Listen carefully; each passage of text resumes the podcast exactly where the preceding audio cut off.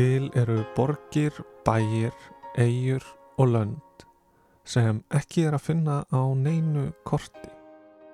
Þangað leggja engir vegir, þangað sigla engin skip og það er ekki hægt að kaupa flugmiða þangað og þar býr engin, nema ég og kannski þú. Þessir heimar liggja einhver staðar á milli raunveruleikans og draumana, milli fullkomnunar og fallvallleika á mörgum hins hugsanlega. Þeir eru aldrei hér og nú, heldur alltaf rétt handan við hornið. Þessir heimar sem eru öðruvísi og betri en okkar heimur heita einu nafni Utopía. Við erum Tómas og Snorri. Þú ert að hlusta á Hverkiland.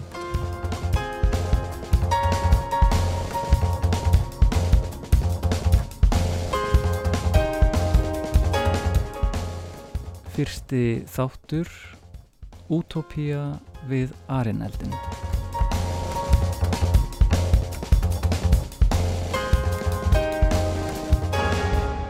Utopía Úr grísku Ú þýðir ekki Topos staður Utopía þá ekki staður eða staðleisa hvergi land Utopía merkir líka draumaland, fyrirmyndaríki þar sem allt er fullkomið.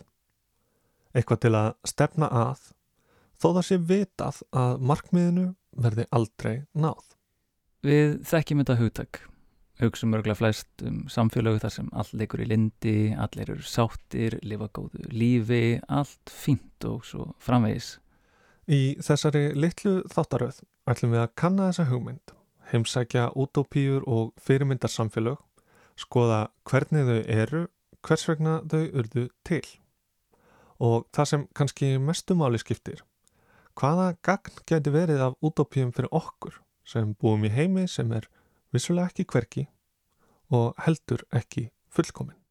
Og hérna í þessum fyrsta þætti ætlum við að byrja á byrjuninni, útópíu. Það er að segja síð miðaldabókinni hans Tómasar Mór og já, við veitum alveg að það er smá klísja. Þessi bók er svolítið alltaf fyrst og upp á yfirborðinu þegar rættir um útópýr. En það er líka góð ástæða fyrir því.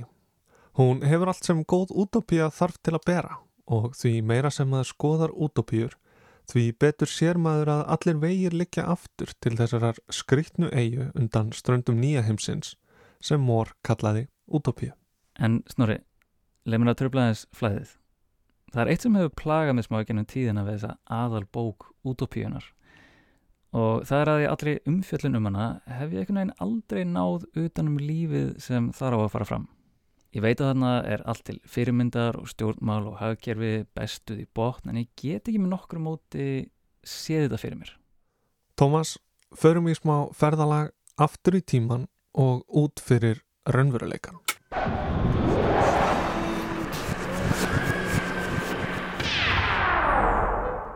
Þú vaknar, lítur út um gluggan og kastar kveðju á mánan. Þú klæðir þig í letan möttul og líni og ferð út í garð þar sem hýjasindurnar fylla vitin sætum ilmi og þú dáist að bláum og fjólubláum blómunum. Það verður nú ekki svo vittlust að bæta bleikum við, hugsar þú með þér og ákveður að koma við á markanum á eftir og sækja fræ. En fyrst er það fyrirlestur um ánæguna. Þegar þú mætir eru lærðumennir allir sestir og reyðbúnur að hlusta. Þú kemur fyrir aftarlega og nýtur þess að læra um hilsu og hamingju næsta klukkutíma. Þá er það markaðurinn. Þar fæst allt sem nokkur gæti vantað og kostar ekki krónu. Þú grýpur nokkra ávexti og fræin sem þið langaði í. Konan á bakvið borðið gefur þér góð ráð Vögva hortensíunar hressilega, þrísvar í viku helst að mótni til. Það ætti nú að vera lítið mál, segir þú og þakkar fyrir þig. Það er komin tími til að vinna eins. Þessir skór smíða sér vist ekki sjálfur. Vinnudagurinn er ekki langur, þrýr tímar fyrir mat og þrýr tímar eftir. Þú þart heldur ekkit að hafa neitt fyrir honum, hann er tilbúin í matsalum þar sem allir í hverfinu eru samankomnir. Einfaldur maturinn er ekkert sérlega bræðgóður en hann er mettandi og kemur í gegnum setni vaktina. Þú kastar hverju á tunglið sem hefur gefið þér þetta góða líf.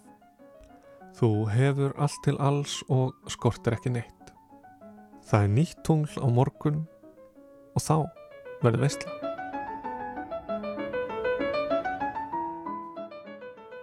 Hljómar þetta ekki þokkalega? Þetta er frekar basic, stuttur vinnundagur, allt frýtt á markanum, blómarskreitingar og ég held að við vitum öll að mötuneytislífið er besta lífið. Já, þetta er útópía hins hugsandi manns sem vil hafa sem minnst fyrir hlutunum. Grunnurinn í þessari útópíu er að engin á neitt. Þannig að vinna allir saman og leggja sitta mörgum og hafa þá nægan tíma til að vera dygður borgarar og í svona sífældu prógrami sem snýst umfram allt um að rekta sálina og andan. Við sjáum alveg glitta í þetta í nútímanum. Vinnuvikan er að stittast, við deilum bílum og rafmakslöpahjólum eins og enginn sé morgundagurinn. Við flökkum milli sjálfstyrkingar námskeiða og ræktarinnar og lærum þannig á hvað kemur okkur til. Við lifum grænni lífstíl, borðum minna kjöt og drekkum hotlara vín og við erum að reyna að mynda allavega aðeins meiri samhljóm með náttúrinni. En við erum ekki alveg komin þangað. Til þess að þetta geti gengið upp þarf ýmislegt að gerast. Ef við ætlum að fara sömu leið að fullkomnu samfélagi og mór gengur út frá, þurfum við fyrst að losa okkur við allt sem heitir engaegn. Ef sumir eiga mikið á meðan aðrir eiga ekki neitt, þá höfum við mismikil völd og mismikil tækifæri til að blómstra og gera eitthvað úr okkur. Við þurfum sérstaklega að færa fórnir. Skoðum útópíu aðeins nánar. Við okkur blasir einsleitt umhverfi á eigu sem er í læginu eins og hálfmáni. Borgirnar 54 eru allar jafnstórar og eins uppbyggðar. Þeim er skipt upp í eins hverfi með eins húsum sem íbýr eins fólk. Við getum ímyndað okkur að á Íslandi gengju allir í munkaköplum og öll húsin væri eins og verkamannabústæðinir í Vesturbænum með fallegum gardi í miðjunni og þá erum við komin nokkuð nálætti í hvernig mór sá fyrir sér að hefur fullkomna samfélag geti leitið út. Íbúarnir hafa tilenga sér ofur mínimalískan lífstíl og vinna allir 6 klukkutíma á dag við að framlega nöðsynjar fyrir samfélagið. Vörurnar fara inn í algjörlega miðstýrt og bestað hagkerfi sem svo útdeilir geðunum eftir þörfu. Þetta er sósjalist og þetta er formfast. Óvissan hefur verið þurkuð út og línurnar lagðar millir litlu kassana sem allt passar inn í og ekkert kemst út úr. Núna hljómar þetta eiginlega sífilt minna samferðati, ekki alveg að basic og í fyrstu. Það er eitthvað tómlætið hana, grár veruleiki, einhver sovjet martruð. Og þú veist, höfum við ekki, ég myndi reyndi þetta aftur og aftur í gennum síðustu öldu og mistekist aftur og aftur. Og því verður svolítið að spyrja sig, er einhver ástæða til að pæla af alvöru í þessu í dag? Útópia er vissulega barn síns tíma. Samfélagið sem Mór setur fram er langt frá því að vera einhver raunhefur valkostur, bæði þegar bókin var skrifið og hvað þá í dag. En það er ákveðin hreyfing í bókinni sem lifir þetta tiltekna fyrirmyndaríki af og er kannski ákvörðat það sem á erindi en þann dag í dag. Útópia er nefnilega bókum ímyndunaraflið, eða öllu heldur um samverkan, gaggrinni og ímyndunaraflsins. Fyrri hluti bókarinnar fjallar alls ekki um neitt fyrirmyndar samfélag. Þar gaggrinir mór ákveðin atriði í eiginum hverfi, til dæmis stríðsbröld, enga eign og harða refsingar, en svo gaggrinni verður að engu og breytir ekki neinu. Gaggrinni tekur nefnilega bara í sundur og bendur á það sem er að, en segir ekkert til um hvernig hlutinir eiga að vera. Í dag mætti ég mitt segja að við lifum á öld gaggrinninar. Við vitum öll hvað er að í heiminum. Það er of mikil koldfísýringur í andrumsloftinu. Of mikil miskipting og óréttlætið er víða. Það eru of margir skóareldar. Lífskeiði okkar sveiplast með verðbreyfumörkuðum og líðræðið sjálft er í kreppu. Það verðist lítið um lausnir í kortunum og þegar einhver kemur með tillögu eins og til dæmis nýju grænu gjöfina þá er hún gaggrínd fyrir að vera óraunhæf, ómöguleg of kostnaðasum. Það sem Mór er að segja okkur er að gaggrinni getur verið lamandi. Við þurfum að leifa okkur að hugsa upp eitthvað algjörlega nýtt. Setjast við arineldin eða kólefnis hlutlösa miðstöðvar opnin og spyrja okkur, ok, ef við viljum ekki hafa þetta svona, hvernig viljum við þá hafa hlutina? Og það er þarna sem útópjur eru svo frábærar, því það er gefa ímyndunaraflinu lausan tauminn og vægi. Við megum hugsa stort, við megum byggja borgir hérna uppi í kollinum og það þarf ekki að vera bara flótti. Þegar maður hugsa sér útópíu þá getur maður að byrja upp á nýtt og feta sig í gegnum afleiðingarnar af því að hafa hlutina öðruvísi. Það mótar svo aftur hvernig maður hugsa um veruleikan og máir aðeins út mörkin á milli hins hugsanlega og þess óhugsanlega í raunheimum. Þessi hugmynd er samt miklu eldri en mann myndi grunam og síðastliðin mánuð er ég búin að vera að fletta allt annari útópíu. Og snorri, mér langar svolítið að bjóða þér aðeins lengra aftur í tíman en á miðaldir. Já, byrju nú við, um, var það ekki þessi takki hér?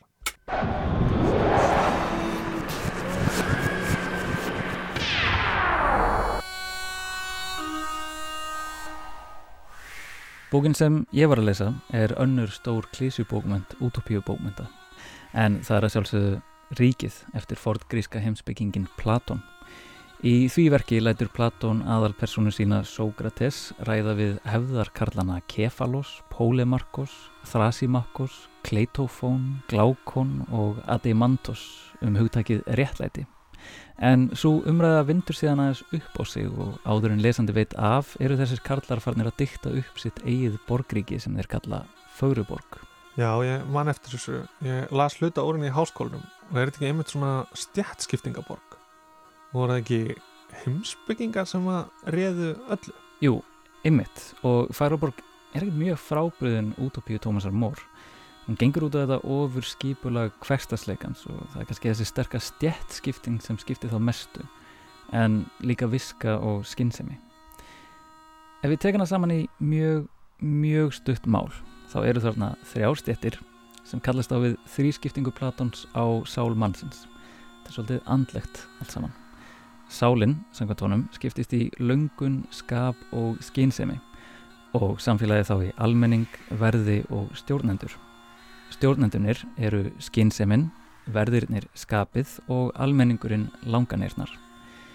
Hver stjætt ræktar svo sína megin digð, stjórnendur visku, verðirnir hugrekki og almenningur hófsemi.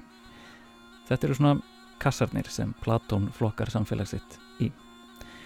En það skemmtilega er að í Utopíu Platóns, Fögruborg, er æðsta stjættinni mitt skipuð heimsbyggingum og hann nefnir þá heimsbyggi konga. Þetta er svona gengi af spekingum sem eru aldir upp á fræðum til þess að geta stjórnað ríkinu á sem skinsamastan hátt og það meikar alveg sens. Ég held til dæmis að stjórnarfari heiminum væri nokkuð geggjað ef stjórnmálamenn væru allir mentaðir í stjórnmálum, heimsbyggi og vísindum frá blöytu barðspenni. Þá væri vörgulega að standa okkur betur í lofslagsmálum og faraldsmálum og þar framhættugutunum en hinliðin á peningunum er svo að það er ekki hægt að kjósa fulltrúa í Föruborg. Þessir velmentuðu spekingar myndu eiginlega bara alltaf stjórna. Sama hvað. Hérna vaknar ég með spurningin um fyrir hvert þessi útópía er. Þetta er svona eins og með mór. Platón hugsaður upp fullkomið samfélag og auðvitað er hann svo sjálfur á toppnum. Eins og Guð sem skapar mannin í sinni mynd. Já, og þess vegna var ég á nokkuð svipuðum slóðum og þú með mór. Ég var svolítið að velta þessu fyrir mér úr hvers konar jarðvegi sprettur svona hvergiland. En ég var kannski aðla með hugan utan við bókina að spyrja mig hvað þarf að gerast svo að höfundur grýp til svona rótækrar hugsunar um eitthvað algjörlega nýtt og öðruvísi í staðis að pæla í svona eigin. Og mér langaði svolítið að sjá fyrir mér hvers konar karlar þetta voru sem er að búa til Fögruborg í textanum hans Platons. Og ég fekk smá hjálp við það verkefni.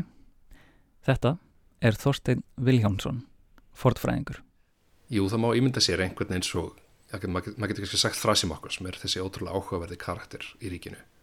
Uh, maður sem hafnar öllum síðgeðslegum viðmiðum uh, maður getur alveg skilið hvaðan hann kemur sko. það sem að hann er af ríkumættum hann hefði mögulega vaknað uh, svona vakin á þrælunum sínum sem hefði síðan fært honum mat og allt sem hann þyrti hann hefur farið út síðan uh, út á torkið til þess að sína sig og þetta er svo greinilegt greinilegu hluti af öðrist þetta lífun er það að þú sem sagt, þú ætlast til þess að vera þrektur þú ætlast til þess að allir sjáu þig og þú þurft að bera þig uh, í þeirri vittnesku að aðrir eru að horfa á þig. Þannig að myndi fara á torkið, hitta sína vinni hitta sína viðskiptafélaga kannski fá fá einhvers konar fréttir af því hvernig gangi hjá þrælunum að yrkja bújarðarnar sem hann á. Síðan gæti hann hugsanlega tekið þátt í þinginu í, eh, kannski hann, hefur hann verið slempi valin til þess að taka þátt í þingstörunum þann daginn? Kannski hefur hann verið slempi valin til þess að vera kviðdómari? Eða kannski er hann jafnvel að reyka eitthvað mál fyrir domstólunum og það er daldi skýrt að fólk alltaf því leita þessum hobby að vera að reyka mál fyrir domstólunum í aðþinu síðan er myndan kannski skipuleggi einhvers konar hitting einhvers konar eh, samdrykju um kvöldið með öðrum vinnum og það sem hann myndi kannski reyna reyna á mælskulistina sem var þessi mikli, þetta mikla æði sem var í aðþinu á þessum tíma. Og í tilfelli þrásamakkar svo sérstaklega þá myndi hann láta reyna á svona allar þessar rótækustu hugmyndir sem hægt var að ímynda sér svo er í gangi á þessum tíma það sem þú hafnar hafnar því sem er rétt, hafnar því sem að því sem aðri telli rétt hafnar því að, að réttlæti sé nokkuð annað en en, eh, en það sem gefur hennum sterka vel og uh, hafandi einhvern veginn leikið er að þessum leik uh, að draga allt í efa getur þau, myndum maður stöðlast drukkin aftur heim berja þrælinn og, og fara að sofa Ríkið er skrifað af Platoni í Aþenu cirka 375 árum fyrir okkar tímatal og Ford Gríkland á þeim tíma er vægast sagt romantíst. Þetta er fyrsta líðræðisríkið og Aþena verðist hafa verið þessi svakalegi miðpuntur verslunar og menningar. Allt streymdi þarna í gegn og tilfinningin er svo að okkar menning hafi byrjað þarna og þar voru þvílikar byltingar í starffræði, náttúruvísundum og hinsbyggi sem við erum enn að glíma við í dag. En það eru samt mjög dökkar hliðar á þessum klassíska heimi. Mér skilst að gríkir hafi verið smá trundur út af við. Þar segja þeir hafi verið að ráðast alltaf inn í önnur lönd, leggja undir sér svæði og kúa fólk. Það er svona rekkjusvín á leikvellinum stemming þannig að við að hafa skils mér en innan aðþunni var náttúrulega mjög mikil kúun líka eins og við heyrðum í frásögn Þorsteins af Þrasimakkusi svaka stjætskipting og að segja þrælahald. Þetta var náttúrulega mjög skipt. Raunverð í Greiklandi til forna var þessi áhugaverða skipting að það að vinna með höndunum var svona alltaf því skammarlegt það að vinna með höndunum og þykja laun það var eitthvað sem að, sem að þú gerðir sem sagt ef þú varst fátekur ef þú varst af, eða allavega ekki af, af fínum ættum og það besta sem þú gast gert, besti lifnaðarhátturinn var sem sagt að lifa annarkort af föðurarfi eða sem sagt af striti annara, til dæmis þrælana sem myndu yrkja jörðina á, á, á jarðaregnum þínum. Þetta er, þetta er það líf sem að svona efristéttar efristéttar fólkið í, í hérna, ríkinu á að njóta. Við veitum meir um efristéttar heimilin út af því að það eru, er efristéttin sem skilur eftir þessi heimildirnar uh, og þeirra hús eru, voru stæðilegri og eru þess að líklega til að fara grafin upp á fornugafræðingum uh, eh, og þá sem sagt húsinu var skipt niður í uh, rými karlmannsins og rými konunar og sem að jafnframt skipti yfir í svona heið opinbera rými innan heimilisins og heið aflókaða rými. Og konan var aflókuð hvenna rýmið var ofta á efrihæðinni og það er jæfnvel heimildir um það að því að verið stilt hann upp að það var eh, svona eitt þræll sem að gættu hurðarinnar. Hann gæti þess að komið í vekk fyrir að konan færi út. Því að eh, hún sérst hennar svið var inn á heimilinu og hún var raun og veru læst þar inni að miklu leiti hins vegar þá gæti karlmaðurinn tekið á móti gestum á neðri hæðinni í karlaríminu og þar voru haldnar sagt, þessar veistlur uh, eh, drikkjuveistlunar symposium eins og, eins og það heitir og uh, það er meðrans þar sem að ríkið fer fram í hérna á mjög ríkulegu heimili kefalósar sem er reyndar ekki ríkisborgari en, en vellauður útlendingur í uh. Eins og er uh, húsina fátækari þá hefur vantanlega sem sagt, hefur þetta ekki verið hægt. Uh, svona skipting á milli það að gera konuna svona innlokaða. Við svo þekkjum þetta líka frá sögu millistéttarinnar í Evrópu sko, að e, þetta var það fyrsta sem fólk gerði þegar komst upp í millistéttina var að þarna konan hætti að vinna og var lókuð inn í heimi á sér. En henni fátöku höfðu náttúrulega aldrei gátt aldrei fórnað vinnuafli konunar á þennan hátt þannig að það hefur vantilega verið miklu minni rými sem fólk bjó í e, henni fátöku þar sem að konun og maðurinn hafa, hafa frekar deilt e, því litla rými sem var til staðar.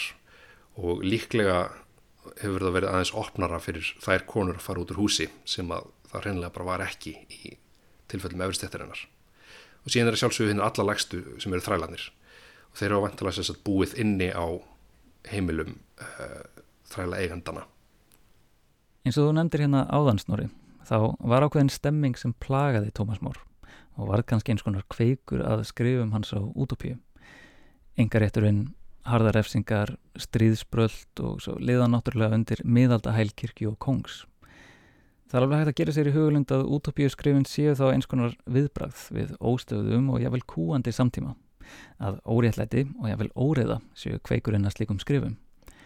Eins og Þorstein kemur inn á þá er sannlega að finna mikla kúun í Ford Greiklandi, en það sem ríkið er skrifað af efristjættarkvöllum, þá er ekkert sérstaklega spáðið þess að þræla eða konukúun í ríkinu nema því leitunum til að kynin fá jafnrétti í Föruburg.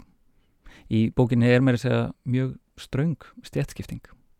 En Þorstein saði mér hins vegar frá svo litlu sem gæti skýrt hvers vegna Platón fann sig knúin til að skálda upp heila útopíu. Já, ég held að, ég hef veltið svolítið fyrir mér og, og ég held að uh, helsti kveikurinn hljóti að vera, það eru tveir atbyrðir sem tengjast. Það er sem sagt að uh, það hafi verið á 50. öldin í Greiklandi hafði einkennst það sem miklu leita pelopskastriðinu milli aðþennu og spörtu og þetta var eina af þessum svona stríðum sem að, sem að eh, varða svona algjöru stríði, tók yfir allt fólk hugsaði ekki um annað gerði ekki annað heldur en að lifa í þessu stríði og, og hérna báðar, báðar aðalega framtur hillilega glæpi, og sérstaklega aðþenna framtur hillilega glæpi í nafnið þess.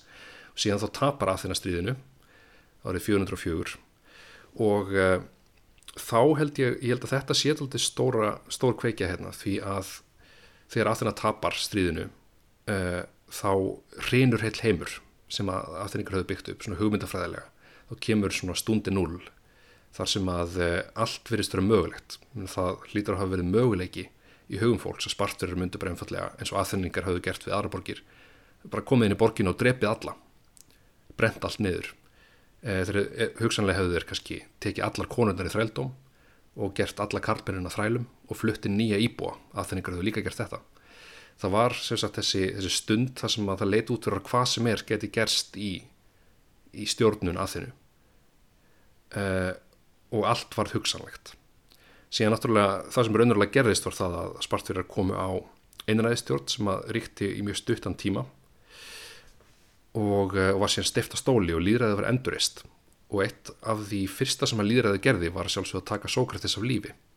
Og þetta er held ég líka önnur kveikja fyrir eh, Platón að fara í þessar hugmyndir út af því að því að það hafði líka sínt sig sko að líðræðis fyrirkomulegið sem að hann, sem Platón hafði alveg stupp við gatt gert ekki bara hryllileg mistök eins og Pelopskaðastriðið heldur líka drepið saklusan mann eh, þar sé Sókrates. Og eh, ásakað hann um eitthvað sem að Platón allavega taldi hann hefði ekki gert. Þannig ég held að þetta sé það sem einhvern veginn kalli á svona, svona möguleikan á fullkomnu algjöru endurmati á því hvað hvernig borgar ekki á að vera, hvernig réttlátt borgar ekki á að vera. Þess að ekki bara hefur það verið sannað að, að aðeinska líðræðið virkar ekki, það mati Platóns heldur þá hafði verið sínt fram á þann möguleika að það sé hægt að þurka bara allt út og byrja frá grunni með tabula rasa. Þegar það verður hrun og allt snýst á kvolf, þá afhjúpast oft grundvallar óskinnsemi eða villa í kerfinu. Og þá er ekkert skrítið að menn hugsi með sér, jú, við mannfólki erum ófullkomna verur, en fyrr mánu vera. Við hljótum að geta gert betur en þetta. Utopia er rótækt viðbragð við veruleikanum. Hún sætti sig ekki við neinar málamiðlanir. Hún stekkur bara fram og segir hei, hendum öllu, og byrjum upp á nýtt. Búum bara til nýja reglur og ný kerfi, nýjan heim sem hendar okkur og því sem við viljum. Losum okkur við hennan bakka sem er fortíðin og förum á algjörlega nýja slóðir. En stígum varlega til jarðar. Ókunnugar slóðir eru alltaf hættulegar. En munum að heimurinn sjálfur er alltaf hættulegur. Kanski er grasið raunverulega grætna hinum eigin og þá er bara ein leið til að koma staði. Útopía og Fagraborg urðu til á tímum þar sem jörðin var meir og minna öll ókannað svæði.